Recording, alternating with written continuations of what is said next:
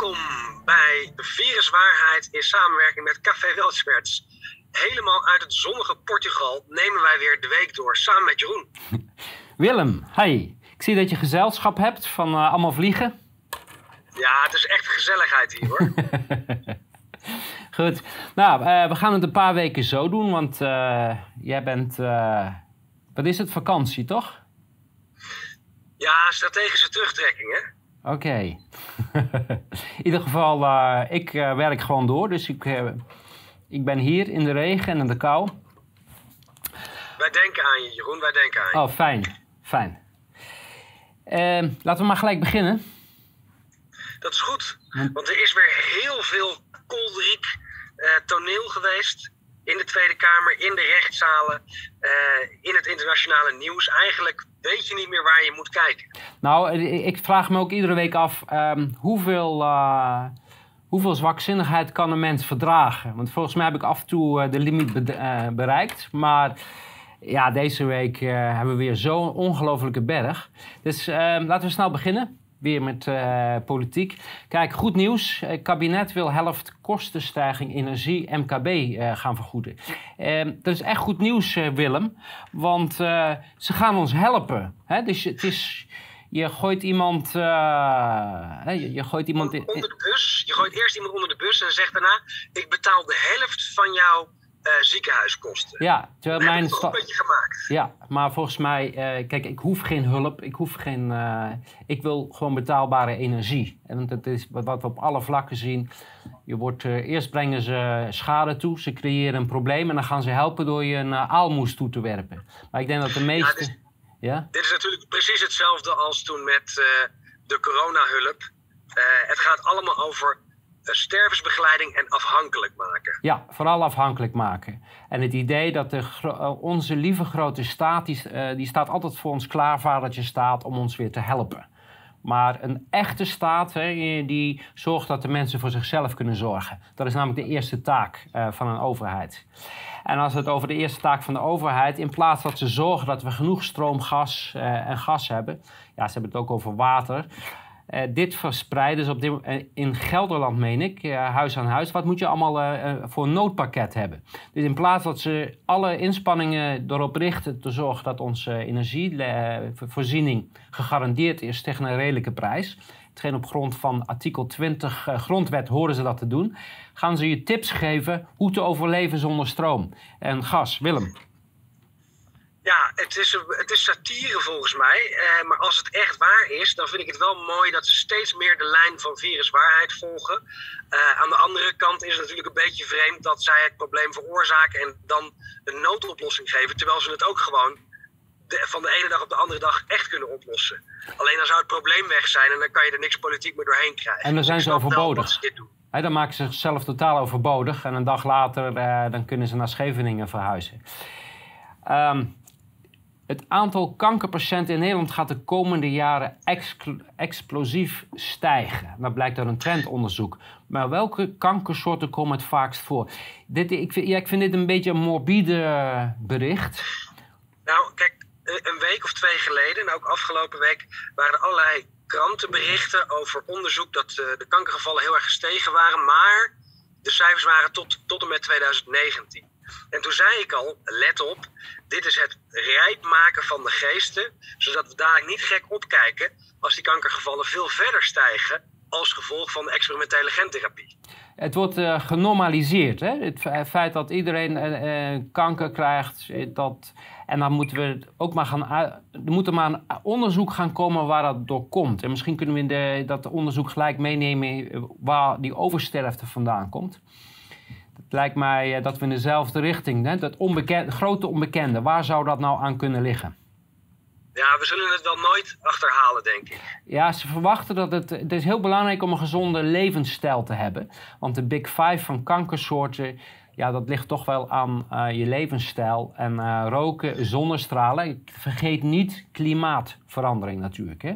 Dat heeft ja, en deze gebruik de HPV-vaccinatie niet alleen voor jezelf, maar ook voor anderen. Hey schrijnend dat dat er nu bij wordt gezet. Hè? Uh, er wordt gezegd, uh, HPV, uh, dat virus, dat dat cervixcarcinomen kan veroorzaken. Is dat zo? En een tweede, die HPV-vaccinatie zal natuurlijk ook uiteindelijk met mRNA zijn. En derde is, eh, net is weer eens bevestigd door eh, Rob Roos in het Europees Parlement via een verhoor van Pfizer. Ehm, dat het dus inderdaad totale onzin is omdat deze vaccins tussen aanhalingstekens niet steriel zijn en je ze dus niet voor een ander neemt. Ja, maar dat verhaal hebben we volgens mij al eh, een keer gehoord de afgelopen paar jaar. Ehm, en dan zou je denken dat we nu uh, aan het einde zijn van uh, de coronagekte. Maar uh, de machine gaat weer opnieuw draaien. En dan zie je een propaganda, propagandakanaal als nu.nl. Zo wordt tijdens deze coronagolf bepaald welke maatregelen gelden. En die zijn ditmaal niet afkomstig van deskundigen, maar de sectoren gaan dat zelf doen. Wat goed van die sectoren, Willem, dat ze dat helemaal zelf gaan organiseren. Ja, ze hebben 2,5 jaar hebben ze kunnen oefenen om zelf uh, maatregelen en mandaten op te stellen. Um, natuurlijk is het allemaal onzin, want daar is helemaal geen uh, juris of uh, geen wettelijkheid voor. Maar ze doen het. Ja, en dit is de trend die we zien. Ze, ehm, ze privatiseren de handhaving. He, dus ze hebben helemaal geen wetten meer nodig. Maar alle sectoren moeten meedoen. Als je niet meedoet, ja, dan krijg je natuurlijk straf. Ja, en dit zit ook in de lijn van de uh, SDG's en de ESG's. Uh, de stakeholder capitalism, namelijk dat bedrijven datgene wat goed voor de werknemer is, moeten doen. Ja. En dan hebben we Kuipers weer. Dat, uh, hij verhoogt het alarmniveau corona en roept kwetsbaren op de herhaalprik te halen. Ja, ik denk dat uh, dit in de geschiedenisboeken uiteindelijk zal komen als uh, strafbare uitingen. Op dit moment uh, doet het OM er nog geen onderzoek naar, maar is dit bedreiging? Is dit nee, mensen aanzetten tot zelfmutilatie? Um, ja, ja. Kijk, wat ik niet begrijp, ik, we hadden het er net al over, de gekkigheid kent geen grenzen. Maar als je dan zegt van. Um, we, hebben je, we gaan je de vijfde prik geven en tegelijkertijd roepen dat die prikken werken. Kijk, ik kan dat zo moeilijk, uh, ik kan dat zo moeilijk bij elkaar. Nee, maar ik, ik denk dat je daar wel een kern raakt. Kijk, uh, Kuipers en met hem alle andere trawanten. Uh, die zijn heel bang dat het verhaal nog verder ontmaskerd wordt. En dat zelfs de grootste idioot geen prik meer wil. Dus ze hebben ontzettend veel haast om die laatste paar dosissen nog in te zetten. Want anders kom je nooit van de useless eaters af. Ja, maar het goede nieuws is dat uh, het hele vertrouwen in alle vaccinaties is aan het afbrokkelen. Ja, ik weet niet of het slecht of goed nieuws is, maar op mij, voor mij is dat goed nieuws. Want die griepprik had ik ook altijd al met bedenken bij. Maar wat blijkt nu, ik heb een kennis die heeft een hele grote huisartspraktijk in een uh, buurt uh, waar vooral uh, dan in dit geval Nederlanders van buitenlandse afkomst zijn. Um, hij heeft in totaal, ik meen, bijna 2600 mensen een oproepbrief gestuurd. Hoeveel mensen denk je dat gekomen zijn om te prikken? Ja, um, ik, ik, hoop heel weinig. Hoeveel waren het er, Jeroen? Het waren er, toen was het nog anderhalve dag te gaan, meen ik, de prikcampagne. het was al bijna aan het einde. Op dat moment waren er 100 geweest. Kijk, ja, dus dat zijn cijfers. Mensen, Ze zitten er onder de 5%. Ja, mensen moeten het niet meer. Ja. Uh, ja, eerder beginnen met vaccineren om coronagolf te voorkomen was nu geen optie. Weet je waarom dat geen optie was? Uh, omdat er te weinig angstpropaganda mogelijk was in de zomer. Toen waren ze nog heel druk bezig met stikstof, klimaat en Oekraïne. En ze moeten dan een beetje op hun beurt wachten.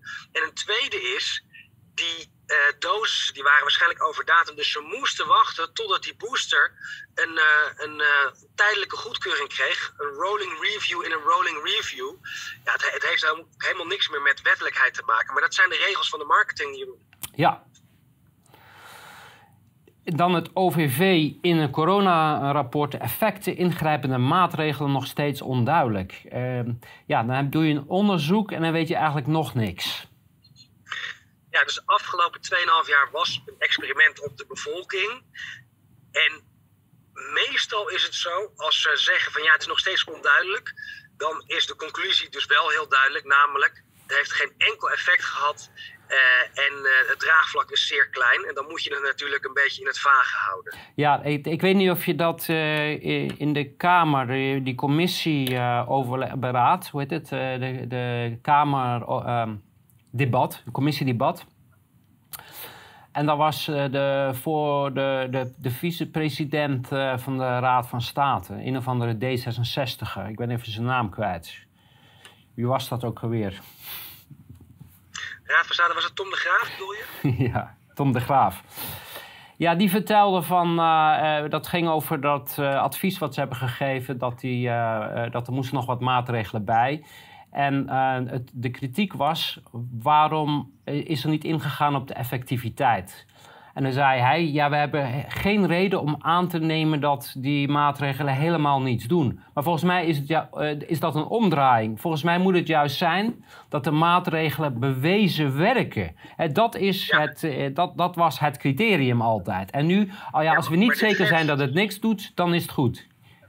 Ja, dat geeft natuurlijk heel erg aan hoe de rechtspraak en dus ook de Raad van State, die ook een adviserende functie heeft, er tegenaan kijkt. De stelling is het werkt en dan is het aan de burger om aan te tonen dat het niet zo is. Ja, en vroeger was dat uh, andersom. Corona-rapport, hetzelfde rapport, bevestigt dat het kabinet maar wat aanrommelt, zegt de oppositie. Ja, ik zag die zogenaamde oppositie en dan vooral uh, uh, dat Atje Kuiken, die dan heel groot gaat schreeuwen van ja, ze rommelen maar wat aan en we moeten een constructief een, een plan hebben. Een uh, ja, maar structureel dat, plan. dat als je daar echt de plan mislaat, dit is niet aangerommel. Niet in 150 landen 2,5 jaar lang altijd de verkeerde keus maken. Er zit wel degelijk een sloopplan achter. Ja, maar het, het feit dat je denkt dat je een plan moet hebben om een verkoudheid onder de. Eh, om, om, daar een land voor op zijn kop te. Ik bedoel, dat is al een verkeerd uitgangspunt. Hoezo moet je een plan hebben? Waarom? Uh, wordt het oversterfte-mysterie ooit opgelost? Eh, Dr. Eline van der Broek ziet politieke onwil. Nee. Denk je dat er onwil bestaat? Ik, ik, uh... Ja, dit is dan een, een interview met Marianne Zwagerman. En het, het, komt een beetje koddig over. Het is goed dat ze het bespreken hoor. Maar het gaat niet over politieke onwil. Het gaat hier over keiharde misdrijven. En het, om het niet te benoemen begint een beetje belachelijk te worden. Ja, het is die enorme olifant. Dit is een sectorale aanpak COVID-19. dat is voor uh, aankomende winter. Ze kunnen het niet loslaten, de maatregelenladder. Uh, wat mij opvalt, Willem, dit, dit, is eigenlijk dus wat de sectoren zelf moeten gaan implementeren. En dan pas uh, bij de noodremmaatregelen, dan pas komt de overheid. Maar ik zie bij interventiemaatregelen zie ik ook weer de terugkeer van de CTB. Van de, uh, en de mondkapjes. Dat is heel mooi, want dat kan namelijk niet. Er komt trouwens een uh, bodemprocedure aan tegen de QR-code. Zeker nadat uh, de bakel in het Europees Parlement is een terugkeer totaal onmogelijk. Want waarop is dat dan gebaseerd? we hebben de bolletjesgrafiek ook nooit meer teruggezien. Hè? Toen ze eenmaal die rechtszaken hadden gehad, dachten ze van ja, staat er toch slecht op. Want het enige wat je eruit kan halen is dat discriminatie en uitsluiting bewezen is met die bolletjesgrafieken. Uh, en dat zal dan ook de reden zijn waarom sectoren dit nooit en ten nimmer zullen mogen toepassen. Ja, maar ze gaan het wel doen, hè? want ze doen allemaal mee. En, en, ja, en, en bij deze, de oproep, elk bedrijf dat meedoet aan discriminatie, die moeten we heel hard boycotten.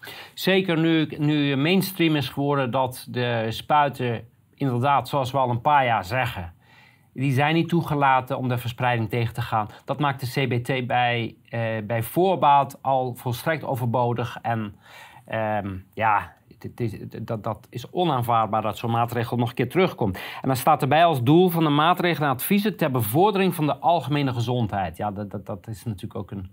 Hoe bedoel je? Hè? Uh, protestactie waait over naar Rotterdam. Actievoerders willen energierekening in brand steken bij Eneco. Ja, goed nieuws dat, uh, dat er toch langzaam uh, meer verzet komt. Uh, een groot deel van de bevolking kan ook niet anders, want ze kunnen het eenvoudigweg niet betalen. Ja, en het verbranden van je rekening is natuurlijk absoluut geen strafbaar feit. het geeft wel een signaal af. En ik denk ook dat Eneco werd al heel zenuwachtig. Er is ook contact geweest met de politie. Mag dit wel? het is toegestaan. dus de politie zal daar niet op ingrijpen. We moeten altijd heel erg goed opletten dat er geen Romeo's tussen lopen die de actie verstoren. Ja. maar op zich is het, een, is het een goed signaal om te laten zien: energiebedrijven, jullie zijn gezien, jullie krijgen helemaal geen geld om ons af te zetten. Precies. Nederland en NAVO gaan oefenen met kernwapens boven België. Ja, dit, is, uh, dit schijnen ze ieder jaar te doen, zeggen ze. Ik, uh, ik weet het niet. Ik heb nog nooit een atoombom naar beneden zien komen. Eh, want hoe, hoe oefen je dat om atoombommen eh, boven Nederland en België te gaan oefenen daarmee? Nou, ik denk dat het gaat over de hele uh, commandostructuur, inclusief wie uh, dan de opdracht geeft, het uitvliegen van de jets, et cetera. Maar het, het punt is, in deze context, dit soort oefeningen doen, is pure oorlogshitserij. En ik wil mensen echt erop wijzen, we hebben nu officieel met oorlogsmisdadigers te maken. Deze twee heren die je hier ziet, volgens mij het Stoltenberg en Pinocchio, um, die moeten voor een tribunaal komen. Daar kan geen twijfel over zijn. Ja, maar tegelijkertijd uh, ben ik niet echt bang voor een uh, nucleaire oorlog. Het is, angst, het is een angstcampagne, zodat mensen weer daarmee bezig zijn. zodat ze niet zien wat ze in de tussentijd, dat ze de hele samenleving aan het slopen zijn. Het is allemaal afleiding volgens mij. En ik denk dat dat geen reële dreiging is, laat ik het zo zeggen. Dan de statushouders in Utrecht, die nemen gelijk ontslag na het verkrijgen van een huurwoning. Ja, en dit laat een beetje zien um, wat het doel is met, uh, met de asielzoekers en de gelukzoekers, et cetera. Het doel is natuurlijk Nederland ontwrichten. En waar alsmaar voor wordt gewaarschuwd, en dan vooral uit, uh, uit de rechterflank van de politieke partijen, uh, gebeurt ook. En ik denk niet dat het uh, per ongeluk gebeurt. Het gaat er juist om om zoveel mogelijk te polariseren. En hiermee krijgt, krijgt wat traditioneel rechts is weer wind in de zeilen. dan kan je zeggen, ja, zie je wel, ze hebben gelijk. Maar ik wil nogmaals mensen op het hart drukken. Zoom even uit. Het gaat niet over deze statushouders. Het gaat om het systeem dat ons tegen elkaar uitspeelt. Ja, in Duitsland uh, hebben ze inmiddels uh, ruim een miljoen uh, Oekraïners die daar ook een uitkering krijgen. Het grappige is, de bussen, je hebt die Flixbussen, die zijn de komende maanden uitgeboekt. Want wat doen ze namelijk? Ze, ze reizen op en neer tussen Oekraïne, halen hun geld op en gaan weer terug naar de Oekraïne. Dus in zoverre de de asielzoekersstatus. dat was vroeger nooit toegestaan. Als je één keer terugging naar je land, dan verloor je volgens mij gelijk je status. Want dat betekent dat het kennelijk veilig is.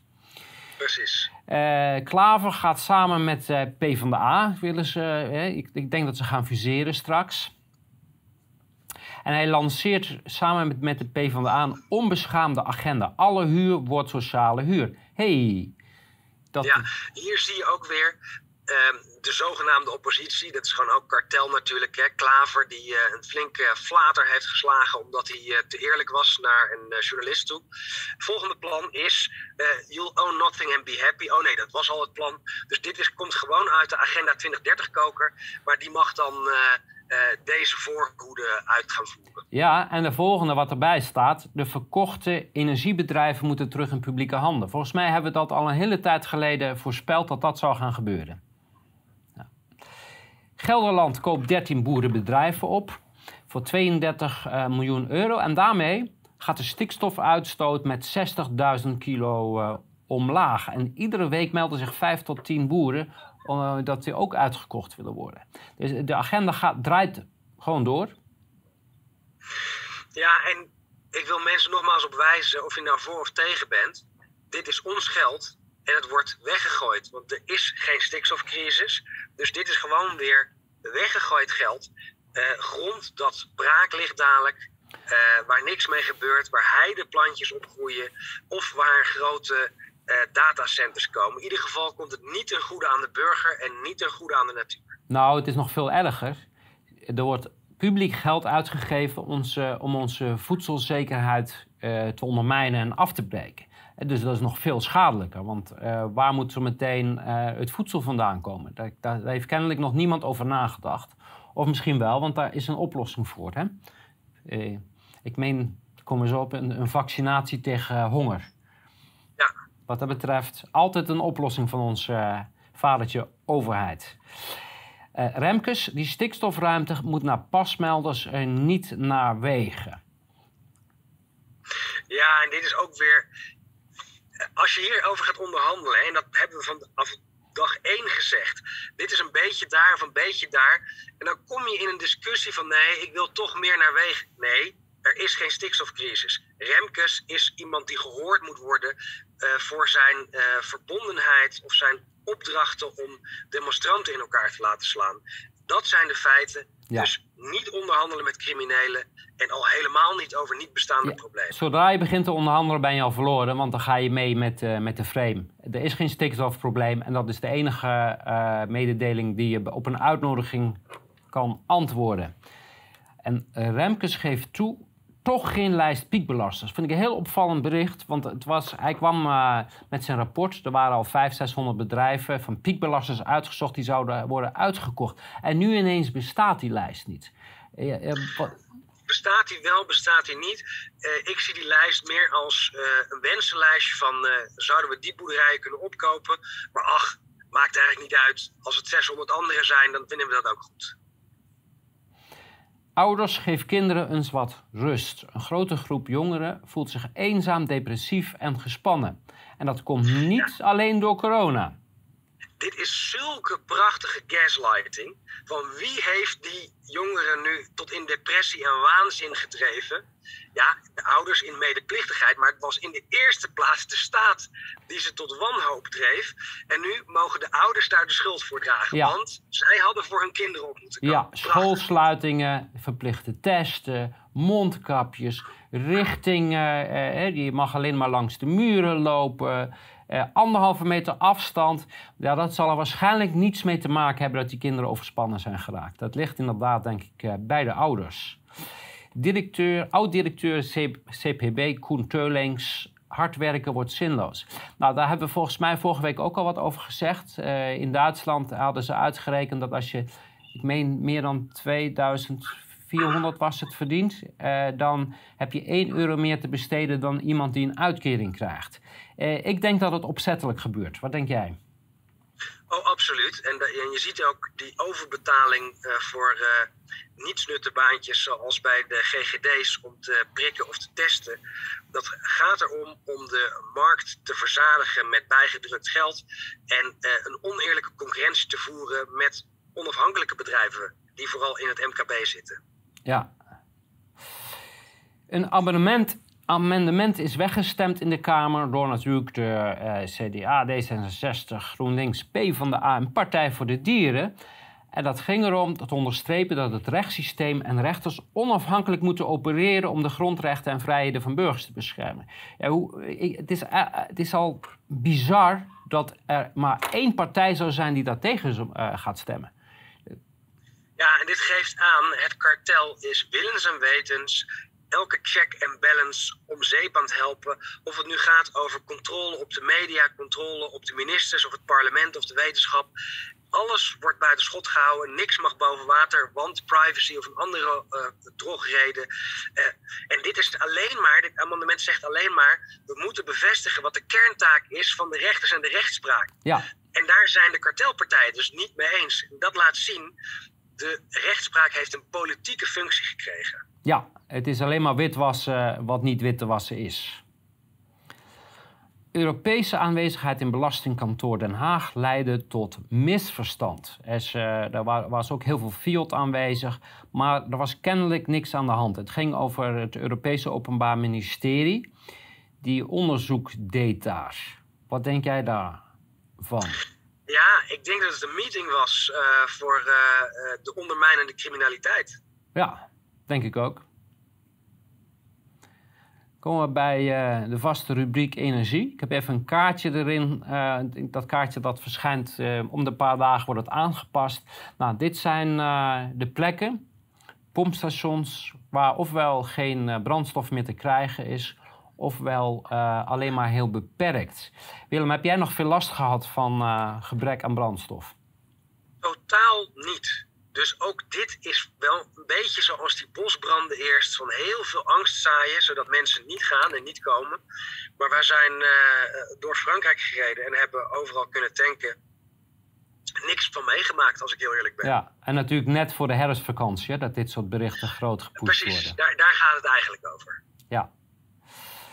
Een uh, tweet van uh, Pieter Omzicht. Bevestiging van de regering. Ter dekking van het energieplafond gaat de BTW en gas van 9 naar 21 procent BTW. En energiebelasting op gas en elektriciteit die gaan omhoog. En de belastingkorting is 200 euro lager. Dus we gaan jou helpen. En om dat te doen gaan we jouw portemonnee nog even wat leger maken. Ja, en dit laat zien het totaal omgekeerde beleid. Het gaat niet over hulp. Ze geven hiermee toe, we gaan energie gebruiken om de genadeklap aan de economie toe te brengen. Namelijk alleen de bedrijven die gehoorzaam zijn krijgen steun en uh, alle lasten worden verhoogd, net zolang totdat iedereen omvalt. Dit is het nationaliseren van het MKB. Ja, en uh, stel dat je daadwerkelijk een probleem gehad zou hebben, de energie, het is een gecreëerd probleem. De enige juiste weg zou zijn geweest alle belasting gelijk opheffen. Hè? Want dan zit je alweer aan een halvering van de prijs. Maar dat is dus geen optie. Men doet het tegenovergestelde. Men verhoogt de belastingen. En dan kunnen ze weer aalmoesjes gaan toegooien. Want dan kan je een beetje energie kopen tegen een betaalbare prijs. En dan kan je ja, toch wel één keer in de week samen met je buurman een bad nemen. Ik weet niet of dat te veel is, één keer in de week. Uh, maar uh, ja, we moeten wennen aan dat het. Uh, we worden allemaal een beetje armer, hè, zoals Kaag dat zei. Zo mooi zei. Ja, maar ze bedoelde eigenlijk: jullie worden, jullie worden allemaal een beetje armer. Wij doen gewoon waar we zin in hebben. En dan, uh, ja, naïef denk ik, Laura Bromet, die uh, toch een fanatiek uh, GroenLinkser is, geloof ik, hè? In de Kamer. In ieder geval hoort duidelijk bij het kartel en aan de, aan de linkerkant. Ehm, ja, wat, wat hier zo bizar aan is, je hebt eerst jarenlang lopen drammen om wat er nu wordt uitgevoerd. Maar omdat het je persoonlijk raakt, vind je het vervelend. Ja, ik, ik, ik vind het vooral. zien dat we te maken hebben met echte useful idiots. Geen flauw benul waar ze eigenlijk voor aan het uh, prediken zijn. Uh, totdat ze er zelf slachtoffer van worden. En we komen dadelijk nog op een uh, Franse parlementariër in het prikken. En dan blijkt dat heel veel van dit soort useful idiots er zelf intrappen. Ja, Nee, dat, dat vind ik het meest verbazende. Ze, ze hebben geen idee waar ze mee bezig zijn. Ze snappen, het klinkt allemaal heel mooi, die agenda. We gaan een mooie wereld maken. En dan denken ze, hè? Maar wat gebeurt er nou? Ik heb geïnvesteerd en nu moet ik toch zo'n hoge energierekening uh, krijgen. Uh, het zijn wel hoopvolle berichten, vind ik op zichzelf. Want...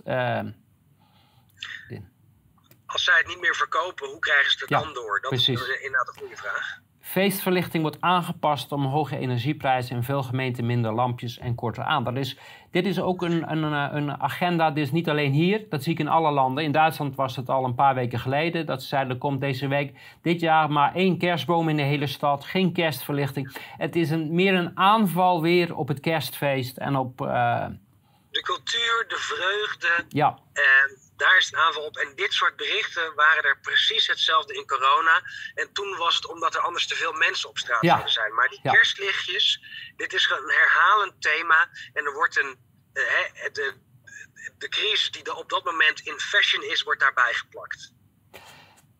Dan gaan we naar de uh, patatten, friet en aardappelproducten. Die worden flink duurder. Heel logisch. Uh, dit, dit, is een bericht van een producent gefrituurde aardappelen, uh, uh, aardappelproducten, erg energie-intensief.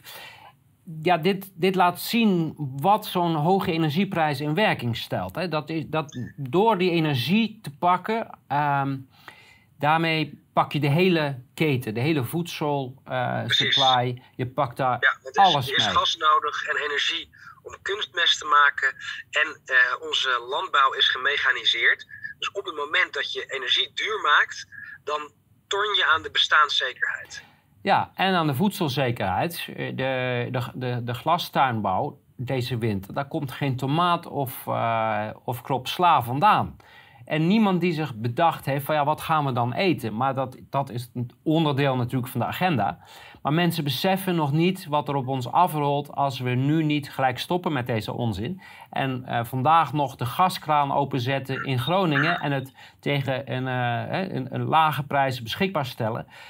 Er gaan echt problemen komen met de voedselvoorziening. Dat is onvermijdelijk. Zelfs als we vandaag ophouden, de schade die ze hebben aangericht aan alle kanten, is, uh, die is gigantisch. Ja, dit doet me echt denken aan de grote sprong voorwaarts van Mao. Uh, waardoor er volgens mij alleen al met dat plan 20 miljoen Chinezen omkwamen. Omdat er een idee was, we moeten de agrarische sector hervormen. De culturele revolutie was dat toch? De culturele revolutie, ja. Ja.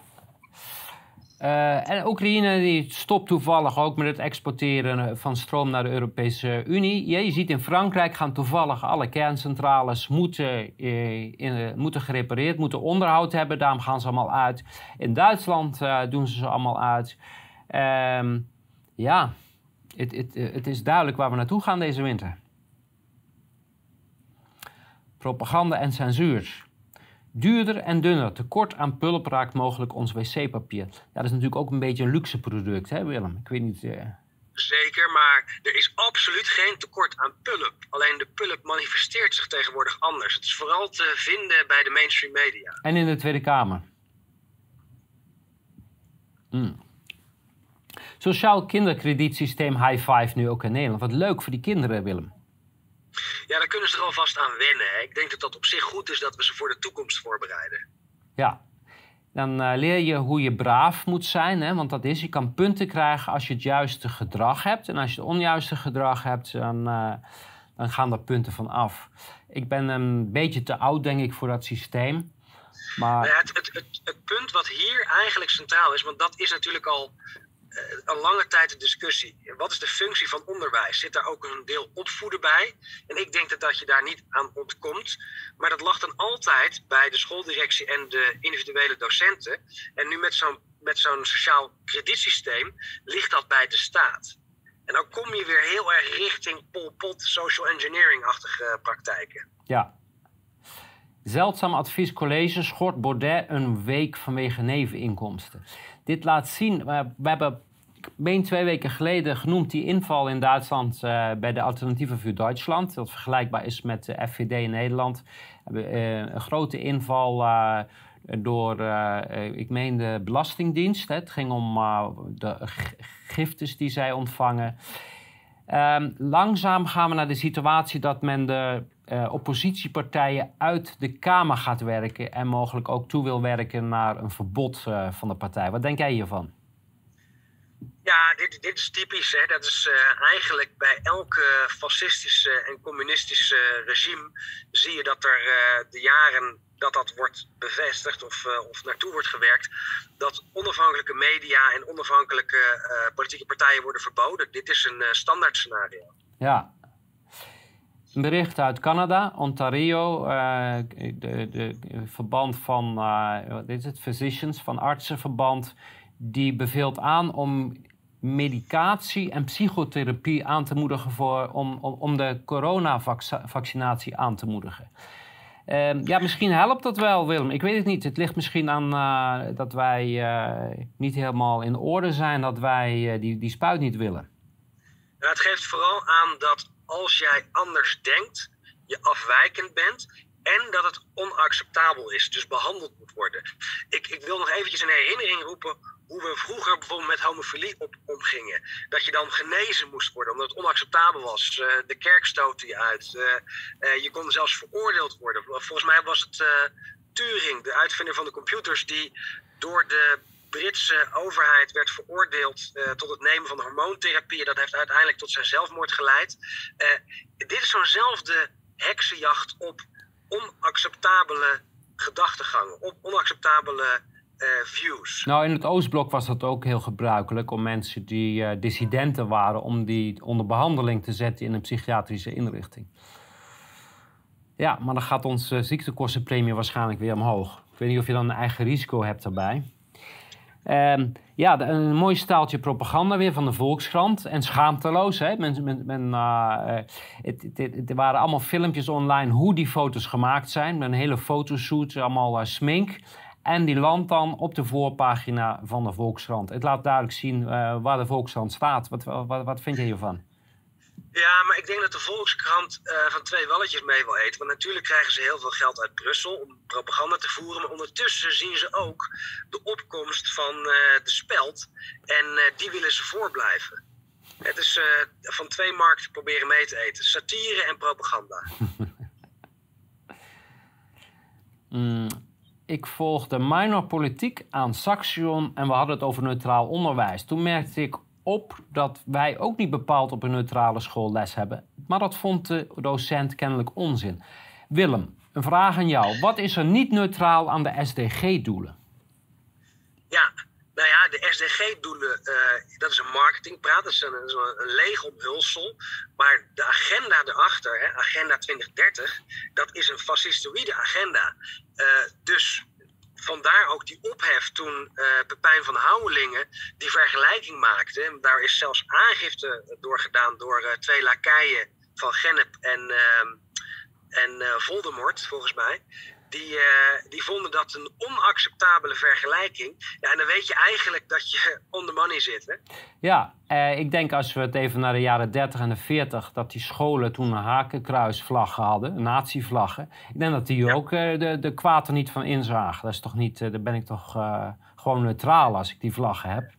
Ja, en, en die vergelijking is niet raar, hè? want de swastika is, is een teken voor voorspoed en leven. Ik heb het in India ook op veel stoepen voor de huizen gezien. Daar wordt het nog steeds gebruikt in de originele betekenis. En toen het werd geïntroduceerd door het nationaal socialisme, toen had het dus nog niet die connotatie van de agenda die ze voorstonden. En, en eh, in die fase zitten we nu ook met Agenda 2030. Ja. Uh, Californië die, uh, maakt het illegaal voor, om, voor artsen om het oneens te zijn met politici. Ja, dat is heel handig, want dan kunnen ze zich ook niet meer kritisch uitlaten. Hè. Het, is, het is niet gewenst als we een politieke koers gaan varen, als dan opeens wetenschappers of artsen die er verstand van hebben iets anders gaan vinden. Ja, dit is een. Uh, ja, dit, dit, dit, dit is een verlengstuk van wat er al lang aan de, aan de hand was. Want heel veel artsen zijn uh, natuurlijk al gestraft omdat ze een afwijkende mening hadden. Nou, het is alleen nog maar een kwestie van het officieel maken. Want het is ook onhandig. Weet je, als je een, als je een discussie wil voeren en je, je hebt allemaal mensen die je tegenspreken, dat, dat loopt niet lekker. Hè? Eh, dus ik, ik begrijp op zich wel de achterliggende gedachten. Ja, alleen dan kom je bij het volgende, het vaccinatiecollectief. Uh, daar zien we een paar opvallende namen. Hè. Duke University.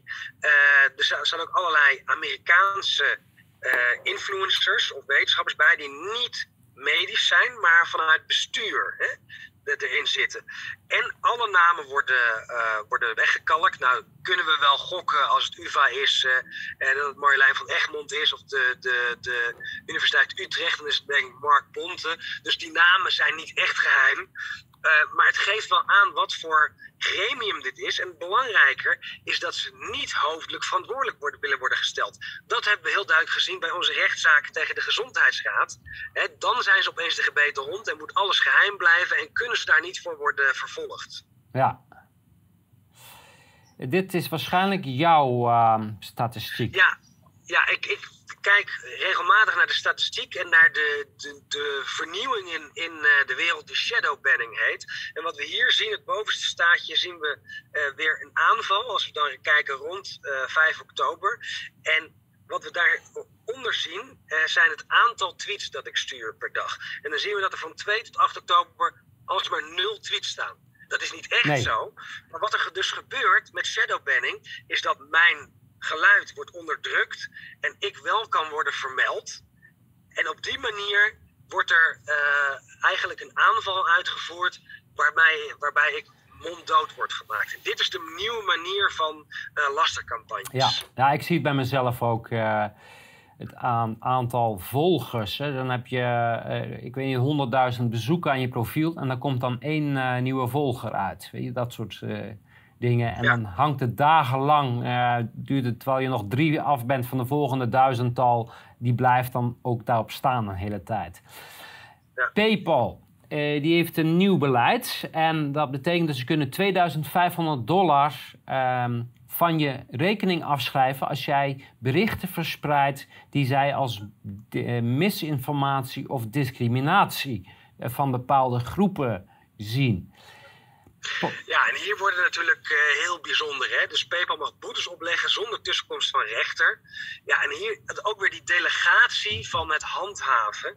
Maar het mooie hiervan is, men trekt massaal weg bij PayPal. PayPal en dadelijk ook Facebook komen nog op, zijn aan het instorten. Die bedrijven gaan deze crisis niet overleven. Ja, en ook YouTube en al dat. Allemaal die meegedaan hebben, die hebben hun eigen doodsvonnis getekend. Want het duurt heel lang, maar je ziet dat de, mensen wegtrekken van die platforms. Ehm, eh, dat is uh, op zich een hele positieve ontwikkeling. Want daarmee verliezen ze namelijk hun kanon. Hè? Want die, die social media platforms, die hebben ze nodig om uh, hun gekkigheid te blijven verspreiden. En als je het over gekkigheid hebt, een, een, ook een tweet hè, eh, van gisteren, de grote dag van mijn fantastische dochter. Ze heeft nu een hormoonblokker gekregen. Uh, dit is wat we latere generaties, als je over 100 jaar terugkijkt, wordt er met afgrijzen gekeken wat ze met die kinderen gedaan hebben. Wil. Om een ja, jong kind. Dit valt dus onder kindermishandeling. Uh, ik ben heel kritisch over het uit huis plaatsen van kinderen, maar in dit geval zou ik zeggen direct doen. Dit zijn ouders die, die zijn in de ban van een secte. En die offeren hun kinderen daarvoor op. Moet je je voorstellen, dit zijn uh, kinderen die uh, nog voordat ze überhaupt met seksualiteit in aanraking komen, hun geslacht laten veranderen. Ja, dit is. Uh, dit, ik denk dat je hier een lange serie psychotherapie voor nodig hebt om dit weer heel te maken. Maar dan gaan we even naar de eredoctoraten. Belgische, jouw grote vriend eh, Mark, de Belgische viroloog, die krijgt... Ja, en wel opvallend hè. En Leiden en Amsterdam, kort op elkaar. Ik heb natuurlijk ook tijd voor het LACDR gewerkt. Het staat voor het Leiden Amsterdam Center for Drug Research.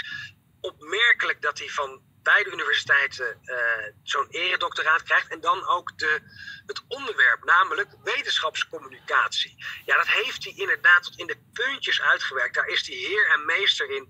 Hoe licht ik mensen op? Hoe jaag ik ze angst aan, zodat ze iets innemen of kopen wat ze niet nodig hebben? Maar dat is kennelijk uh, de, in, in de wetenschap uh, het nieuwe normaal. En je weet één ding, als jij genomineerd wordt voor een prijs, dan uh, is het tijd om je vak uh, op te geven. We hebben eerder, eerder, gezien dat Frans Timmermans ook al een uh, eredoctoraat kreeg. Ja, en Van Dissel en Koopmans. En ze krijgen allemaal een schouderklopje. Maar dan gaan we naar de volgende slide. En dit is wel erg mooi om te zien, hè?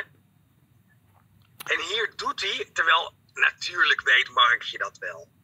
Hier doet hij net alsof doordat zoveel mensen zich hebben laten injecteren, dat uh, de transmissie gestopt wordt, waardoor je zelfs als antivaxer niet meer besmet of geïnfecteerd kan worden. Nou ja, ridiculer krijg je het niet. En dit soort mensen, die echt totale wetenschappelijke nonsens verkopen, die krijgen dan een prijs voor wetenschapscommunicatie. Want hoe vertaal je een politieke boodschap met een wetenschappelijk sausje? Ja, dus als je geen prijs als je daarvoor niet genomineerd wordt, dat, dat kan best wel eens een aanwijzing zijn dat je wetenschappelijk bezig bent. Ja. Het is tijd voor Mark Zuckerberg om op te stappen.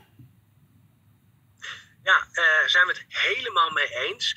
En dit komt natuurlijk ook naar voren door zijn uh, interview dat hij heeft gegeven bij uh, Joe Rogan. En dan zie je hoe de kaarten nu worden geschud. Mensen die echte invloed hebben, zoals Joe Rogan of Jordan Peterson. En zo zijn er nog een paar hele grote YouTube-kanalen. Russell Brand heeft er een.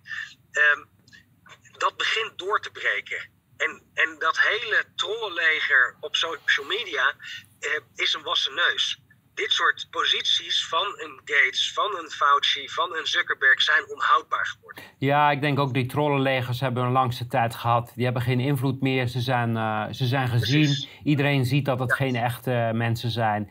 Daar worden hele grote bedragen verbrand uh, aan hele legers die niks meer kunnen bereiken. Fauci... Ja, dan komen we bij Fauci inderdaad. en dan zie je gewoon dat hij zelf heeft lopen, hè, dus persoonlijk heeft lopen frauderen. Of invloed heeft uitgeoefend op artikelen die geplaatst moesten worden. Ik heb het in eerdere afleveringen al laten zien. Hè, dat hij uh, met uh, Zuckerberg bijvoorbeeld heen en weer aan het mailen is van hey, hoe kunnen we dit doen? Hulp vroeg bij het onderdrukken van de Great Barrington Declaration of uh, dat artikel bestelde in de New England Journal of Medicine, wat het, uh, het eh, bedrijfsblaadje is van Pfizer. Deze man is door en door corrupt. Vandaar dat we ook een, een promo in onze laatste nieuwsbrief hadden over de, wat is de, de, de, de, de greatest evil in the world. In ieder geval het boek over Dr. Fauci. Ja, maar Fauci die voelt bui hangen, die stapt op. En hij weet dat zodra de Republikeinen uh, de meerderheid hebben, dat hij een hele hoop uit te leggen heeft. Ik... Ja, maar ik denk dat hij een dealtje sluit, want hij weet natuurlijk heel veel. Uh, dit soort mensen die zijn al te oud om echt gestraft te worden. Ja, de, dat denk ik ook. Komen we bij uh, internationaal. Gelukkig zijn er nog helden. En weet je wat nou zo grappig is? Die Joseph, als je hem bekijkt, dan denk je, oh, dat is een, een slimme man. Uh, maar waarom die niet hard kan worden aangevallen, is omdat hij ook zo uh, goed doet. Hè? Hij is, uh, is, een donkere man, een Afro-Amerikaan. Dus die kan je dan niet als extreem rechts wegzetten. Maar... Uh, Twitter heeft het nog wel even geprobeerd om hem te censureren, maar dat moesten ze heel snel weer terugplaatsen. Dus nu proberen ze hem aan te vallen op dat het niet wetenschappelijk zou zijn. Ja, maar even waar, waar dit over gaat. Het gaat over Florida.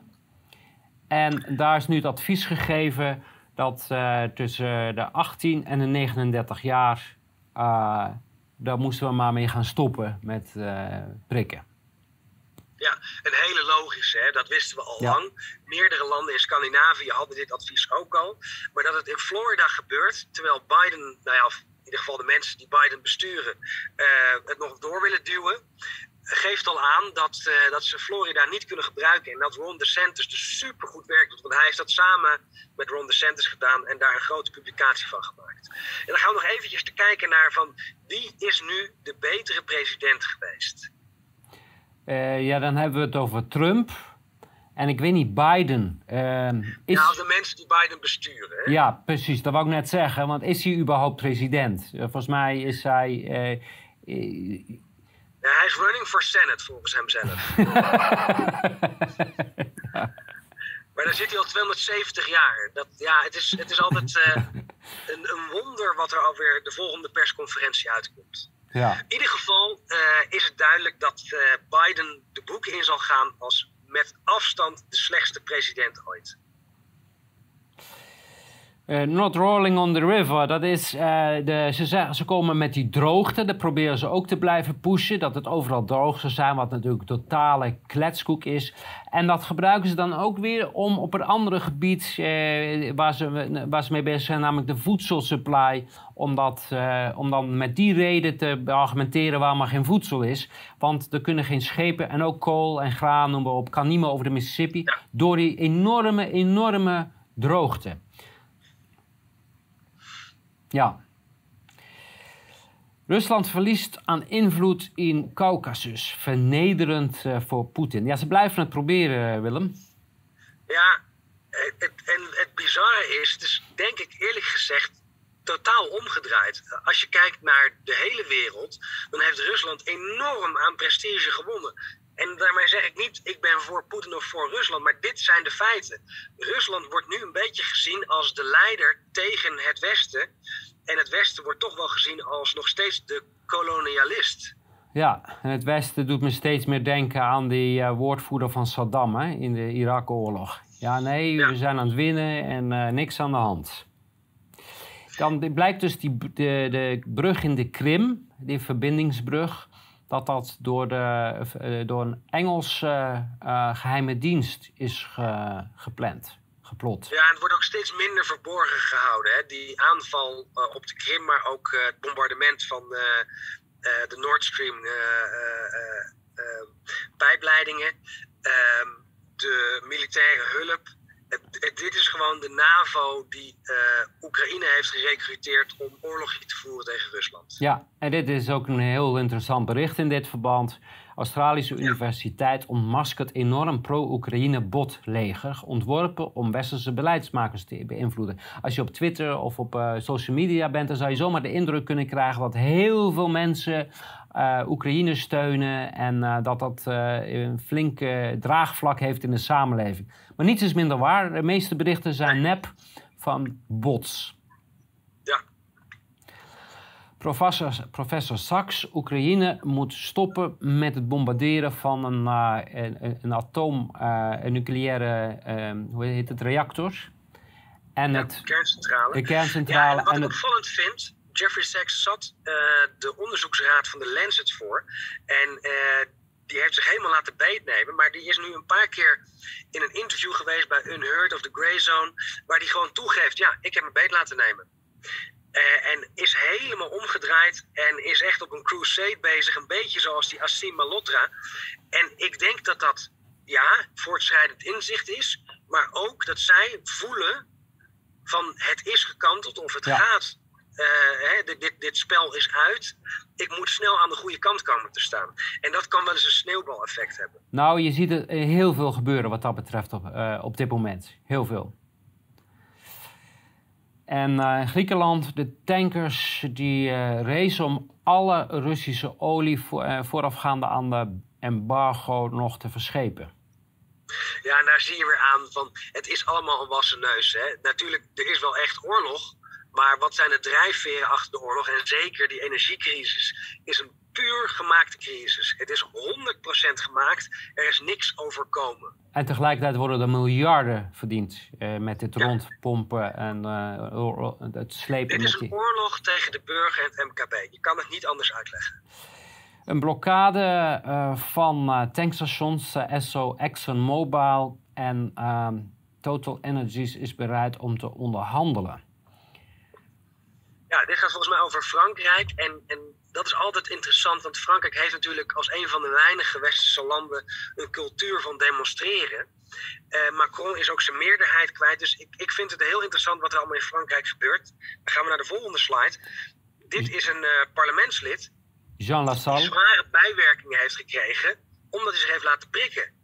En het is heel interessant als je hem hoort uitleggen dat hij dacht dat hij het goede deed, omdat hij een voorbeeldfunctie heeft. En dat hij zich nu uitspreekt van ja, dat voorbeeld hield dus ook in, als iets met mij zou gebeuren, moest het ook in het nieuws komen.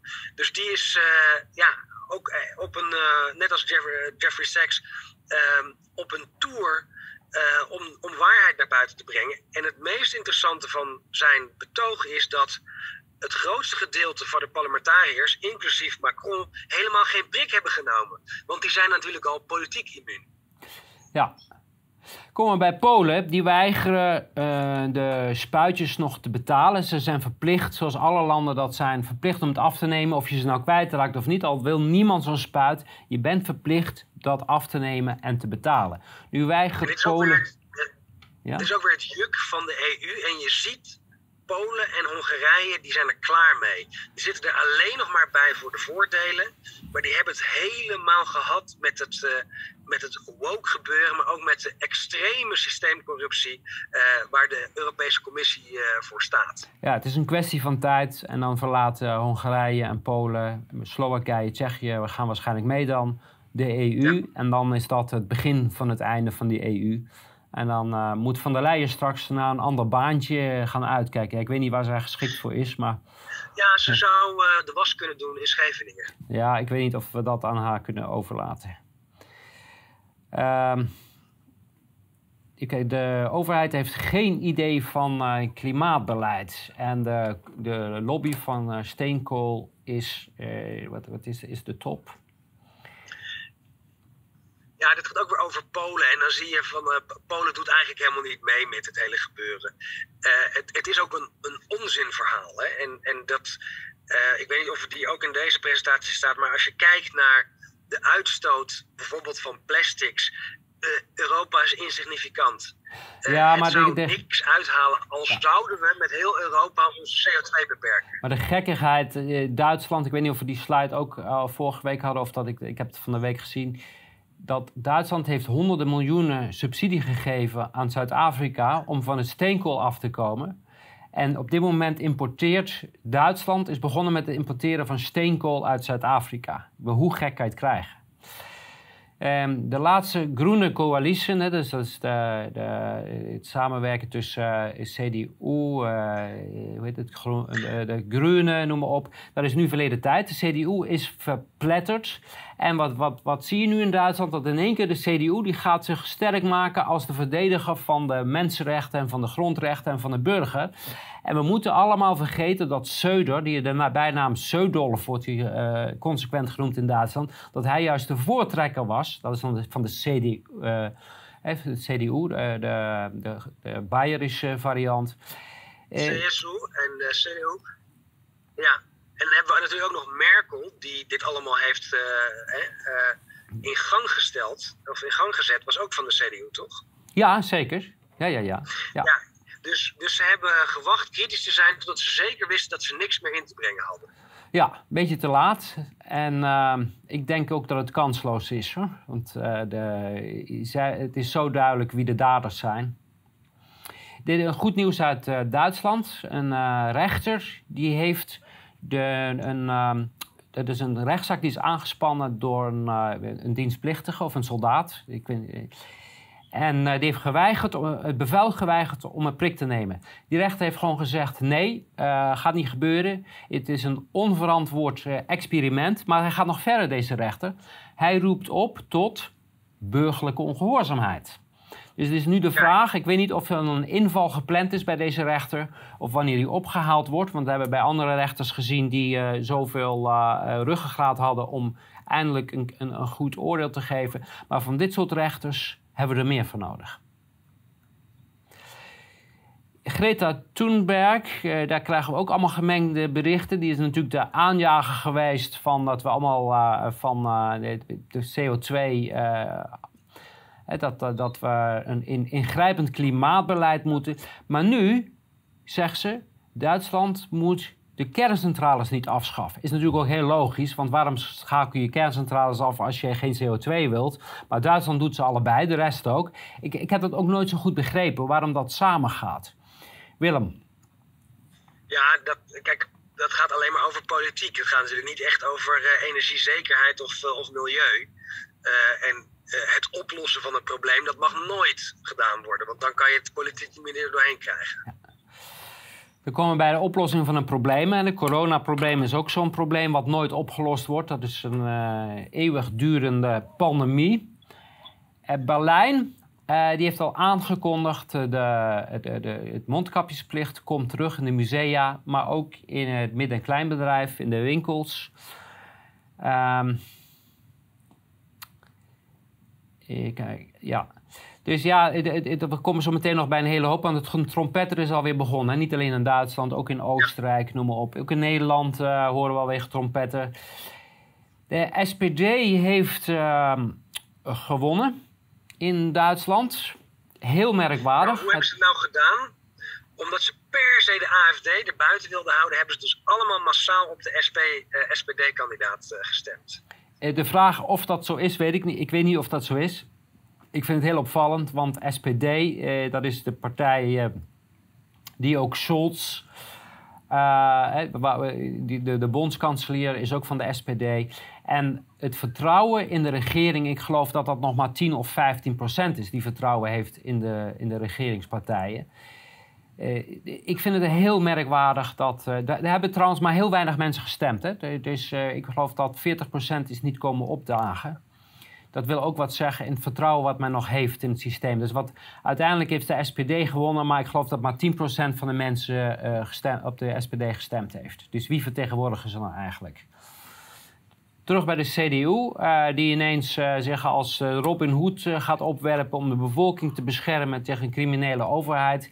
Zij willen nu de, de, pleeg, de verpleging willen ze tegemoetkomen, want daar groeien de bezwaren tegen het altijd maar moeten dragen van die mondkapjes. Vooral voor de ouderen, die zijn verplicht in, in, in pleeghuizen om altijd een mondkapje te dragen. Moet je je voorstellen. Hè? Dus dan ben je oud in de laatste uh, tijd van je leven en dan kan je niet meer, geen mensen meer zien zonder mondkapjes. Ja, absoluut misdadig. Ja, dit is hetzelfde bericht wat we net hadden. Het is een, uh, die, die rechter die zegt van nee, die er kan niet, geen sprake zijn van een verplichting om, te, in, om die vaccinatie te nemen. Dit is een bericht uit Oostenrijk. Want Van der Bellen die is met 56% gewonnen. En dat is heel opvallend, want het was Van der Bellen, dat is de uh, bondspresident. Het lukte hem nauwelijks om de steunbetuigingen bij elkaar te krijgen. Overal waar hij komt, wordt hij uitgefloten, hij wordt uitgejouwd. En nou zou 56% van de mensen hem herkozen hebben. Heel knap, een knappe prestatie. Ja, daar mag je toch wel de IT'ers dankbaar voor zijn dat ze dat op deze manier hebben kunnen frauderen.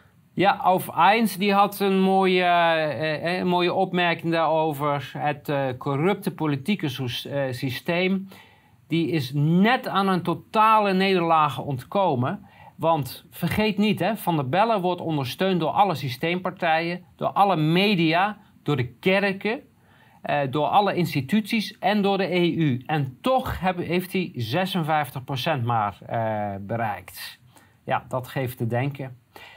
Ehm, ook weer van die knettergekke berichten. We moeten maar wennen dat we in een huis wonen wat niet meer verwarmd wordt. Het ene bericht, dat is uit uh, 25, 24, 25 maart. Daar staat, uh, als er te weinig verwarmd wordt, een huis, dan krijg je schimmel. en uh, dat is, uh, na enkele dagen krijg je dan al schimmel. En nu staat er een bericht in de Welt, dezelfde krant. Waarom zijn koelere woningen nou gezond, beter voor de gezondheid? Het wordt weer verkocht als iets goeds. Als je in een koud huis woont, dan uh, is dat uh, goed nieuws, want heel goed voor je gezondheid. Ja, maar let op, hè, want we hebben het over die schimmel al vaker gehad. Een van de echte oorzaken van uh, longontstekingen. Op het moment dat dat meer gaat spelen, dat mensen onder voet zijn, dat ze in stress zitten, dat ze in kou zitten, dan worden ze gevoelig daarvoor. En dat zou wel eens een, uh, inderdaad uh, gezondheidsproblemen kunnen opleveren. Net als het niet meer verwarmen van het water, dat dan een legionelle bacterie ja. formeert. Ja. Dus, dus op deze manier creëer je weer volgende gezondheidsproblemen. Plus de verzwakte immuunsystemen, noem maar op, de hele ja. combinatie. Ja, dan, dan krijg je op een gegeven moment wel een epidemie van het een of ander. He, dat is... Um, Oostenrijk, PCR-test uh, op de scholen komt weer terug. En ze gaan gewoon door. Uh, en de ja, burgemeester. Ik weet niet of het plaatje in deze presentatie zit, maar een derde van alle positieve testgevallen ter wereld komt nu uit Duitsland. En uh, eventjes ter, hè, om inzicht te krijgen: 80 miljoen inwoners, dat is dus 1% van de wereldbevolking. Uh, en toch een derde van alle positieve gevallen. Dat is niet omdat in Duitsland er een hele ernstige pandemie gaande is, maar omdat ze daar als een van de weinige landen nog echt serieus testen. Het is één groot bedrog. Ja, en het grappige is uh, dat in Oostenrijk het heeft nog geen vijf minuten nadat de uitslag van de verkiezingen bekend was, dat zij ook gelijk de lockdowns en een nieuwe maatregelen aangekondigd hebben. De, Weense, de burgemeester van Wenen die eist nu dat de coronaregels in het hele land uh, weer ingevoerd worden. Dus het circus gaat door. Hè? De inkoop, uh, uh, kantoor, bioscopen, de, masker, de mondkapjesplicht komt terug. Allemaal in Oostenrijk. Maar voor alles is een oplossing. Dit is uh, minister, voormalig minister Schobel. Ik geloof dat hij geen minister meer is op dit moment. Hij zegt, joh, dat is toch helemaal niet erg die kou. Gewoon een trui aantrekken. En als je dan nog koud hebt, trek je daar een tweede aan. Daar moeten we niet over zeuren. Moet je je voorstellen dat je politici hebt. Die zijn niet in staat om jou, uh, of ze doen het expres natuurlijk, maar ze spelen dat ze niet in staat zijn om jou betaalbare energie te leveren. En de oplossing daarvoor is een trui. Willem. Ja, goede oplossing zou ik zeggen. Ja. Dieter Bollen, uh, dan zie je dat er gaan steeds meer mensen zich uitspreken. Heeft zich niet alleen stilgehouden de hele tijd, hij heeft reclame gemaakt voor de spuitjes. En nu spreekt hij zich keihard uit. Hij zegt: Dit is toch allemaal is allemaal kloten wat er gebeurt. Hè? Die sancties, het kou lijden, noem maar op. Die spreekt zich nu helemaal uit tegen de politiek. In wat voor een waanzin zijn wij terechtgekomen. Nou, dit soort mensen zijn toch mensen met een hele hoop invloed. Ik weet niet of mensen mij nog kennen. Bolle en Bolle. Uh, van uh, Duran Duran en zo. Uh, al die muziekgroepjes. Uh, Berlijn, masker, kom, de mondkapjes komen terug in de museums en in de eh, eh MKB. De overheid is bang dat uh, miljoenen verwarmingen gaan uitvallen. Wat een verrassing. Ja, dat hebben we vorige week ook al besproken. Het gaat over Duitsland.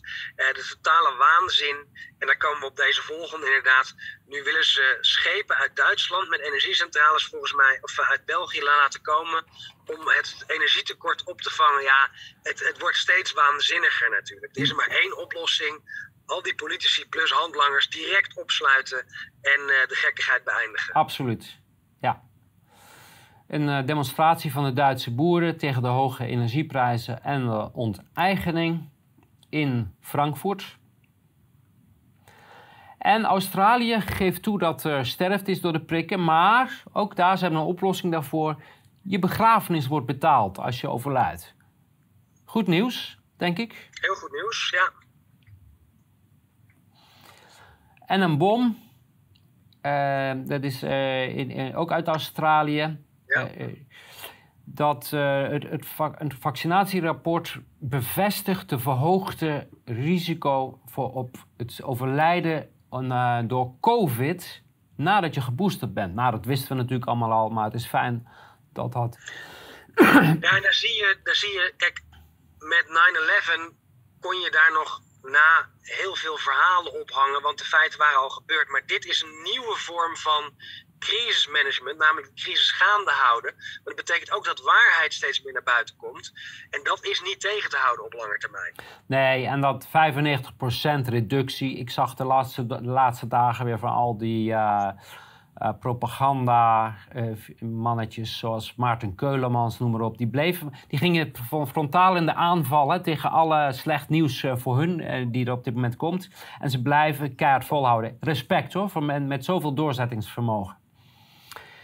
En Pfizer die, blijft geheimzinnig over de COVID-koopcontracten. We hebben dat, hoe lang? Anderhalf jaar geleden, volgens mij, of een jaar geleden, uh, al een aantal van die contracten behandeld, die wel uitgelekt zijn.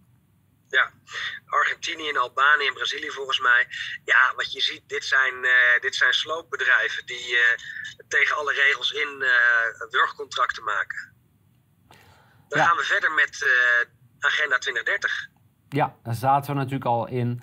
De toegang tot het financiële systeem moet beschermd worden in, de tijd, in een tijdperk van de cancel culture. Zijn we al, hebben we al vaak over gehad. Eh, heel terecht uh, zorg, want dat is wat er gaat gebeuren. Als jij niet de juiste politieke mening hebt, kan jij zo meteen niet meer over een bankrekening beschikken. En nu snap je ook waarom die hele consolidatie van de bankwereld, waarom dat de afgelopen jaren zo hard is gegaan. Ehm, de, jij kan straks geen bankrekening meer hebben. Willem. Nou ja, en dit. Mensen snapten het toen niet. Hè? Waarom wij eh, zo publiekelijk uh, die rechtszaken tegen ING hebben gevoerd. Had niks te maken met een verstoorde relatie met ING. Ik vind het prima om daar te blijven bankieren. Maar het punt dat we wilden maken. En ik denk dat het ook heel duidelijk is doorgekomen. Zeker door de stukken die zijn uitgelekt. Onder andere bij de Rabobank. Is dat financiële instellingen gewoon verlengstukken zijn directe verlengstukken van overheid om te censureren en om uh, groeperingen die verzet leveren de wind uit de zuiden te nemen. Ja. Dan blijven we even bij de prijzenfestival uh, van alle deelnemers aan de agenda. even een felicitatie voor Ursula Ursula von der Leyen. Zij heeft een uh, onderscheiding gekregen vanwege haar inspanningen voor de Great Reset van de Bill en Melinda Gates uh, Stichting. Die hebben vier mensen die die inspirerende inspanningen doen om de vooruitgang uh, aan te drijven. Maar Jeroen, dit was toch een complot? ja, was dat zo? Ja, volgens mij is het al een tijdje. vorig jaar was het een complot. Dit jaar is, is die echt. Precies, ja. Nee, het is nu open en bloot. Uh, Ursula van der Leyen is bezig samen met haar kornuiten uh, Rutte en alle uh, landelijke politici om de Great Reset te voltooien. En dan nog een keer een prijs. Baerbock is uitgeroepen tot politicus van het jaar. Ja, dit, dit is echt een bericht waarvan ik eerst dacht: hey, is dit nou de speld? maar het is echt waar. Zij heeft een prijs gekregen en als je, ik weet niet of veel mensen haar kennen. Zij is de minister van Buitenlandse Zaken in Duitsland. Uh, zij is voormalig uh, prostituee en naaktmodel. Niks op tegen natuurlijk, maar ze heeft ook niks bijgeleerd sinds die tijd. Hè. Dat is ook een beetje haar enige kwaliteit die ze heeft. Uh, maar... ze zegt, het maakt niet uit of, of Duitsers in de kou zitten. Wij blijven doorgaan met Oekraïne. Ja, het maakt me niet uit wat de kiezers vinden. Daar is zij de afgelopen weken. Dus dan, daarmee word je met dat soort dingen word jij dus politicus van het jaar. En de Gates Foundation heeft 1,27 miljard toegezegd aan de VN om de agenda 2030 te versnellen. Um, hoe lees jij dit? Is dit uh, goed nieuws? Nou ja, het is in ieder geval goed nieuws dat het zo openlijk is. Het is echt de vlucht naar voren die de handlangers van uh, deze social engineering agenda uh, bezigen. En dat Gates steeds prominenter naar voren wordt geschoven. Niet alleen als pusher van de injecties, maar van deze hele agenda. Geeft al aan dat ze aan het aansturen zijn van ja, maar als het dan fout gaat, dan heb je hier in ieder geval de mensen die je mag veroordelen. Ja, En het uh, laat ook zien die digitale idee, daar gaan ze nu heel snel, proberen ze die uh, door te drijven. ik denk dat we begin volgend jaar al grote stappen daarin kunnen zien. Daar hebben we het al heel lang over gehad. en Trudeau die heeft toegegeven, de, de, tenminste de regering Trudeau heeft toegegeven dat zij 105 miljoen een contract hebben gesloten voor het doordrijven van de digitale identiteit. Ik, ik, dacht dat het alleen maar een praatclubje was, die World Economic Forum, Willem. Ja. Het is niet langer een complottheorie. Uh, volgens mij hebben we dat al een keer genoemd. Het was in België.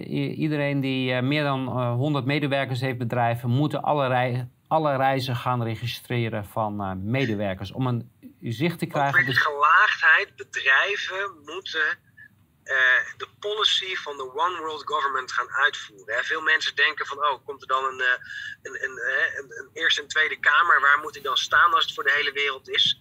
Die is er al, die staat namelijk in Zwitserland. En daar zitten allemaal mensen bij die andere heads of industry opleggen om dit soort sociale en greater good doelen uit te voeren op hun werknemers, op hun klanten, et cetera.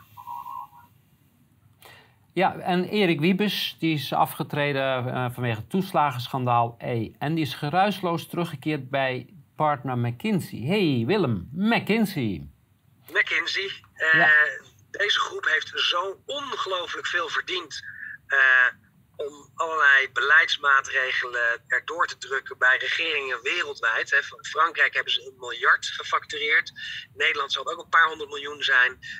dit deze zitten heel dichtbij uh, de kern van, uh, van de World Economic Forum, plus een aantal andere NGO's die die One World Government uh, willen installeren. Ja, McKinsey, KPMG, maar ook Deloitte, al die consultancy. En Vrijburg die wil het eten van vlees op school willen ze gaan schrappen. Ja, dat past natuurlijk ook. Het indoctrineren van die kinderen. Je ziet de kinderen waren het belangrijkste. Hè? Die wilde men ook gelijk uh, grip ophouden. We hebben gezien, als, je, als je een school wil oprichten... ja, en dan komen we nog op, op een ander punt. Hè. Sommige mensen zeggen wel eens van... ja, laat het gaan, weet je. We moeten niet strijden in het systeem... want dan, dan voeden we het systeem. Dat is ten dele waar. Hierbij, bij specifiek dit onderwerp, zeg ik van... nee, we moeten dus door blijven strijden... want de jeugd wordt geslachtofferd. Ja, Um, ja, ook uh, weer uh, Oostenrijk, we hebben net al gehad. Uh, de mondkapje komt overal terug. Nieuw-Zeeland wil boeren vanaf 2025 uitstoottax laten betalen. Dat is een volle aanval op de boeren. Dat zien we wereldwijd. In Duitsland hebben ze overigens gaan ze de onroerend zaaksbelasting voor boeren. Ik meen met 1000 procent verhogen. ook voor de rest. Dus het, is, het gebeurt overal. Uiteindelijk gaat het zo worden dat ehm, Alleen al door de belastingen ga jij uh, je eigendom verliezen. Dus belastingen, energiekosten, noem maar op. Je kan geen bezit meer, geen uh, onroerend goed meer houden. Wat doet die lelijke puist op de lantaarnpaal? Misschien heb jij daar een, een antwoord op.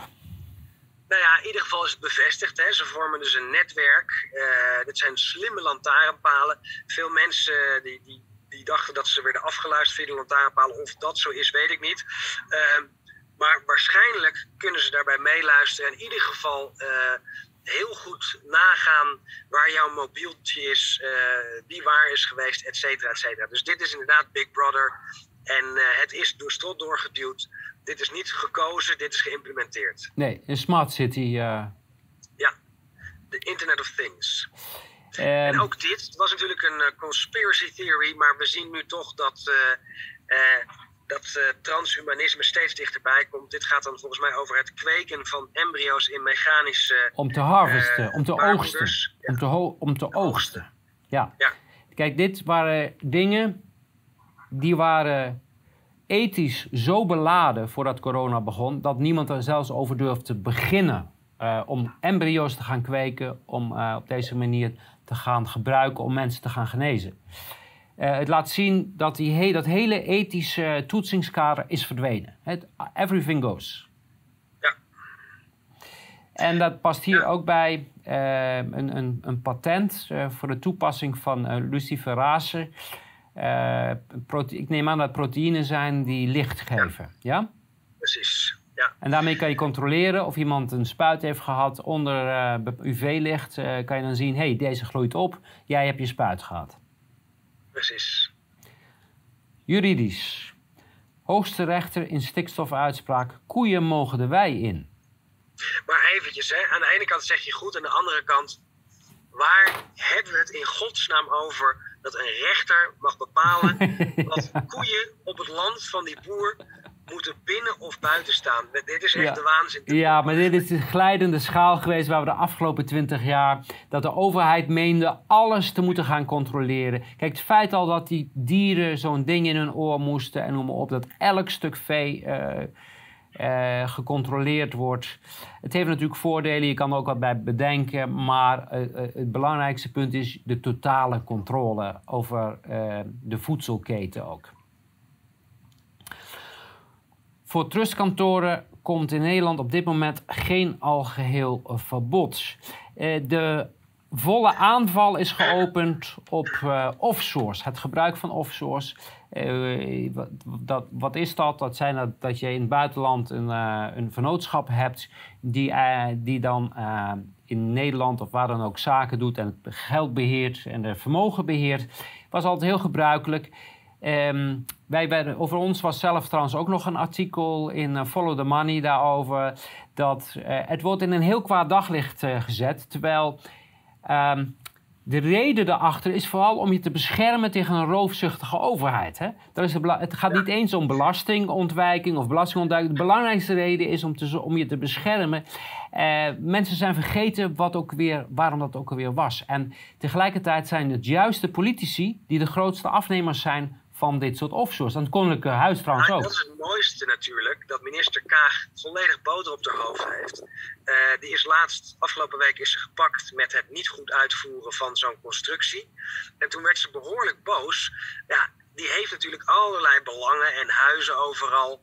Eh, maar ja, dat is een respectabele minister, daar mag je er niks van zeggen. Ehm, als je beheerder van Fort Oranje bent, ja, dan ben je een crimineel. Hè? Dus dan Ja. zie je weer die, die twee maten. En dat offshore, alsof dat belastingontduiking is. Nee, mensen, Nederland is belastingontduiking. Al die multinationals die in Nederland zitten, zitten hier voor één hele duidelijke reden. Ja. Namelijk het geld witwassen. Doe hier me- hoeven ze geen belasting te betalen. Kijk naar Capelle, daar zit het hoofdkantoor van Pfizer. Miljarden worden er doorgesluist, zodat er geen belasting over die boekerwinsten wordt gemaakt. Ja, en dat doet me een beetje denken aan die discussie over die geheime bankrekeningen. Dat wordt al jarenlang wordt dat, eh, gedemoniseerd en dat wordt in een heel kwaad crimineel daglicht gezegd. Ehm, weet, weet jij wat de achterliggende gedachte daarvan was? Waarom Zwitserland eh, die geheime bankrekeningen had? Ja, je hebt het laatst verteld en toen zag je, ja, hé, maar eigenlijk is het dus een heel goed doel. Namelijk eh, het afschermen van eh, de begenadigden van die bankrekening, zodat er niet via die bankrekeningen joden opgespoord konden worden. Dat was inderdaad om Joden de mogelijkheid te geven om hun vermogen te verbergen voor roofzuchtige overheden. Een beetje een parallel die we nu ook hebben, maar dat is iedereen vergeten dat dat de achtergrond was. Eh, OM seponeert zaak geweldgebruikende vissers in Urk vanwege keihard gebrek aan bewijs. Ja, eh, niet onverwachts, want dat zien we de laatste tijd steeds vaker. De schade Ja, maar dit is de zoveelste zaak waarbij het OM wordt ingezet om schade te berokkenen. En denk je dat het OM hier van wakker ligt, dat ze weer een tik op de vingers krijgen? Nee, Nee. dit is het hele idee. Zij worden ingezet om te demoniseren, te criminaliseren. Eh, die mensen zijn door de media al veroordeeld. Ja, en dan laten ze gewoon de zaak vallen. Het OM is een criminele organisatie op dit moment. Ja, ja dat, eh, geen, twijfel over mogelijk. Eh, onderzoeksraad stille ramp doordat kabinet verpleeghuizen uit het oog verloor. En dan gaat het over dat in de eerste fase van de coronacrisis waren de gevolgen ernstig. Ja, we hebben daar heel veel aandacht aan besteed. Het was ook duidelijk, mensen eh, die het is dit werkelijk. Ik denk dat generaties en generaties zullen nog gaan spreken over wat wij met onze ouderen gedaan hebben. Alleen Ja, laten sterven in eenzaamheid, eh, verwaarloosd, noem maar op. En, da- en dan word jij vervolgd omdat jij eh, de aandacht richt op een verpleeghuis dat weer op een, opnieuw wilde gaan beginnen met die gekkigheid waarvan we juist gezegd hadden, dat gaan we nooit meer doen. Ja, maar laten we blij zijn, hè? want daardoor hebben we wel een mogelijkheid om dit weer eens eventjes aan te kaarten. Dat hier zware misdrijven zijn gepleegd. Ja, maar jij wordt vervolgd om daar aandacht uh, aan te besteden. Hè? Komen bij medisch. Uh, dit zijn de geboortedaaggegevens uh, uit Duitsland. Wat blijkt, men had gedacht, oh, er komt wel weer een inhaalslag. Niks is minder waar. Er zijn weer 8% minder geboortes dan vorig jaar. En dan zie ik dat het dus betekent dat er 40.000 minder baby's ja. zijn geboren. Ja, ja. ondanks de immigratie, hè? Vergis, vergeet dat niet. een bericht in de British Medical uh, Journal. Um, ja, waarom ik deze erbij heb geplaatst. Kijk, het is supergoed dat er nu wordt gesproken van... oh, we zijn bedrogen, want transmissie is nooit een doel geweest. Maar Jeroen, in alle vier de rechtszaken was dit een van de hoofdargumenten die we hebben gebruikt. Dus mensen, let alsjeblieft beter op. En wij waren ook niet de eerste die hiermee kwam. Dit artikel is van, volgens mij van Pieter Dosje zelf. In ieder geval uit de British Medical Journal augustus 2020. Toen was er bekend, want het protocol voor die clinical trials uh, eh, 2-3, die is gepubliceerd juli 2020. Toen was er al bekend, er wordt niet onderzocht op reductie van transmissie of ernstige klachten. Er wordt alleen maar onderzocht op positieve test plus een paar verkoudheidsklachten. Dit is de kern van waarom het van tevoren onzin was en bedrog. nou, we hebben uh, in onze rechtszaak was het inderdaad een uh, heel belangrijk punt. Vooral ook um, omdat de intended use laat dat ook helemaal niet toe. Hè? Die, die hele uh, die campagne over je doet voor een andere is in strijd met de toelatingsvoorwaarden van, van die uh, spuiten. En je hebt gelijk, het is jammer dat het zo lang duurt voordat dat bij het grote publiek komt. Maar ik ben heel blij met uh, de, de actie van Roos. Ja. dat, dat heeft wereldwijd miljoenen, miljoenen, miljoenen mensen bereikt. Ik kreeg zelfs berichten uit Tanzania. Je voorstellen, die, mensen, die, die kregen dat doorgestuurd en die, uh, en, en die stuurden dat maar naar mij door.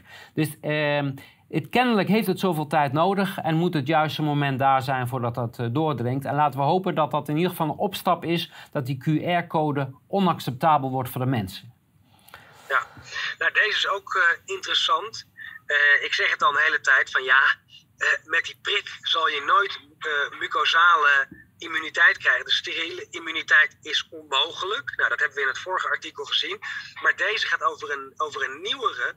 Ze hebben het geprobeerd om het via de neus te doen, maar ook dat mislukte. En dat is niet zo gek, want virale luchtweginfecties, daar kan je helemaal geen vaccin tegen produceren. Zeker niet als het gebaseerd is op gentherapie. Het is een fata morgana die niet lukt. Dat wisten ze van tevoren.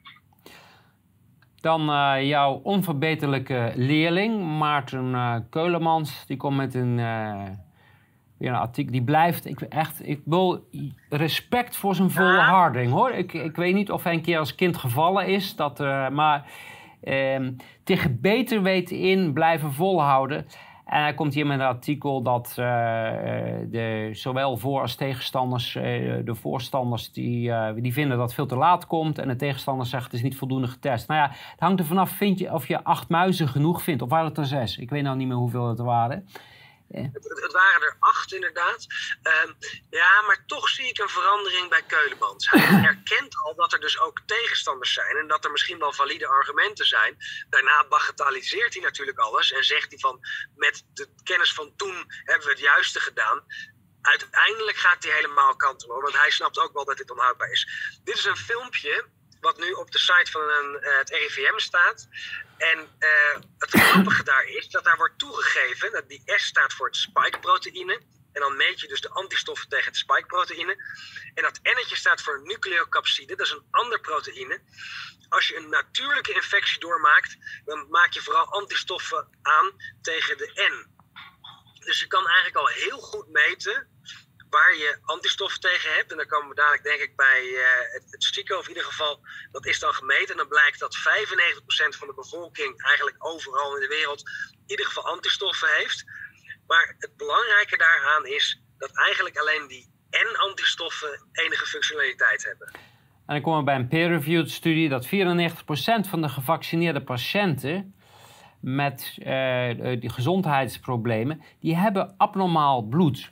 Heel veel ontrustend. Ja, en dat ligt waarschijnlijk aan het spikeproteïne zelf. Want we zagen het in de zeg maar, uh, gevallen van uh, COVID. Zo'n heel klein percentage die, die moest dan echt opgenomen worden. En dan sloeg het door. Dus het bleef niet alleen in de longen, maar kregen ze een systemische infectie. En dan zagen we ook al die bloedproblemen met klonters. Kijk, als je het direct in de bloedbaan injecteert, wat natuurlijk is gebeurd, omdat ze geen aspiratie deden, uh, dan is het veel logischer dat je het bloed beïnvloedt.